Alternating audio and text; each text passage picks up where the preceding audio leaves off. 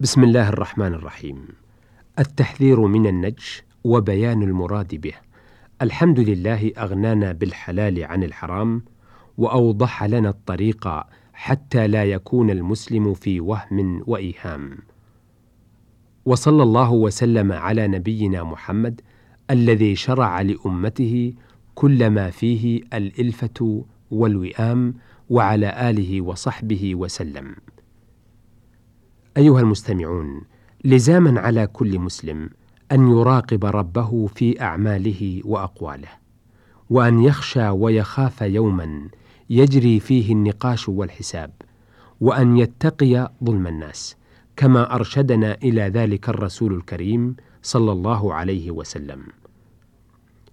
ومما نهانا عنه وحذرنا منه أشد التحذير النجش ففي الحديث الشريف لا تحاسدوا.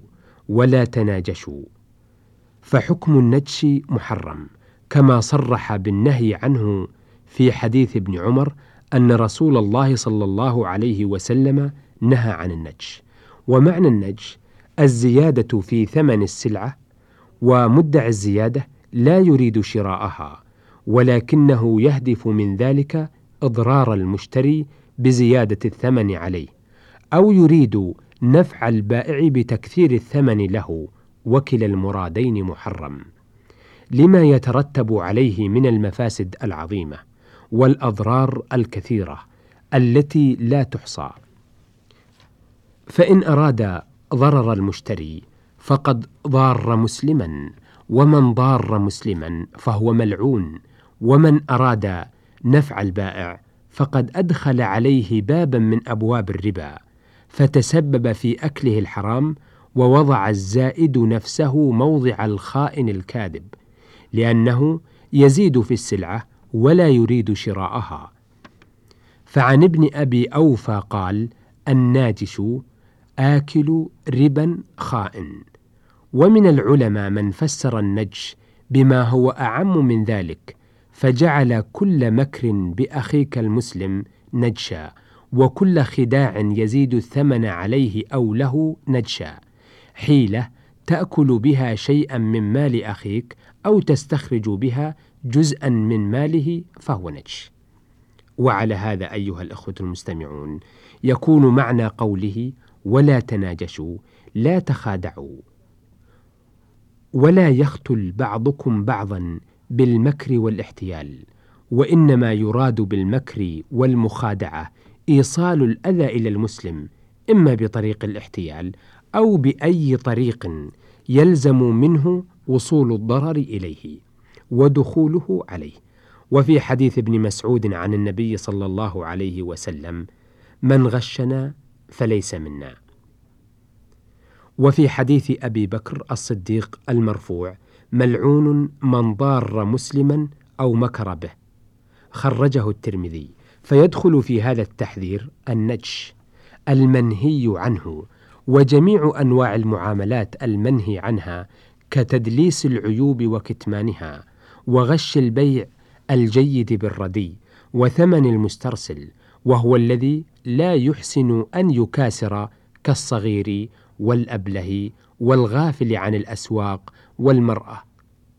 فكل غبن لهؤلاء محرم وليس فيه فخر للبائع ولا يفرح بما كسبه منهم.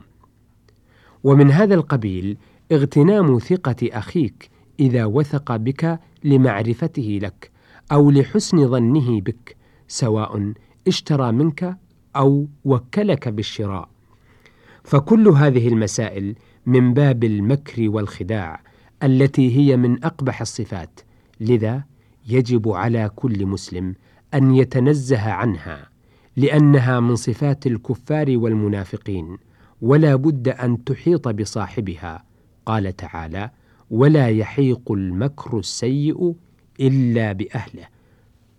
وما أحسن ما قاله بعض الشعراء ليس دنيا إلا بدين وليس الدين إلا مكارم الأخلاق.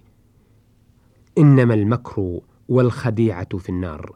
هما خصال أهل النفاق. فليخشى معصية الله وإذا خلق الله الذين لا يجوز إدخال الأذى عليهم. أيها المستمعون يجب على كل واحد منا أن يتجنب كل عمل وكل خلق يفكك روابط الأخوة ويحدث التباغض ويزرع الأحقاد ويشتت الشمل أو يعين على الإثم والعدوان.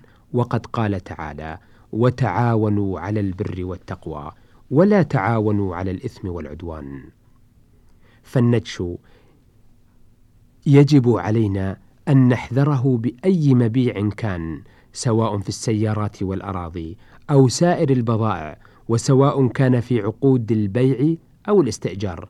والحذر أن يزيد الإنسان في الثمن أو الأجرة وهو لا يريد ذلك فعقوبات هذه المعصية منها العاجل كنقص البركة والتسبب في هلاك المال إما لتجشمه الحرام أو لاستجابة الدعوة من المظلوم ومنها إفساد العقد للبيع والأجرة عند كثير من العلماء.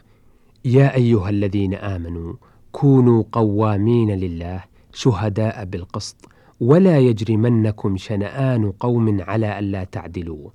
اعدلوا هو أقرب للتقوى واتقوا الله إن الله خبير بما تعملون. فلنتق الله في كل أعمالنا وأقوالنا ولنراقبه فهو يعلم خائنة الأعين وما تخفي الصدور. وصلى الله على نبينا محمد وعلى آله وصحبه وسلم. والسلام عليكم ورحمة الله.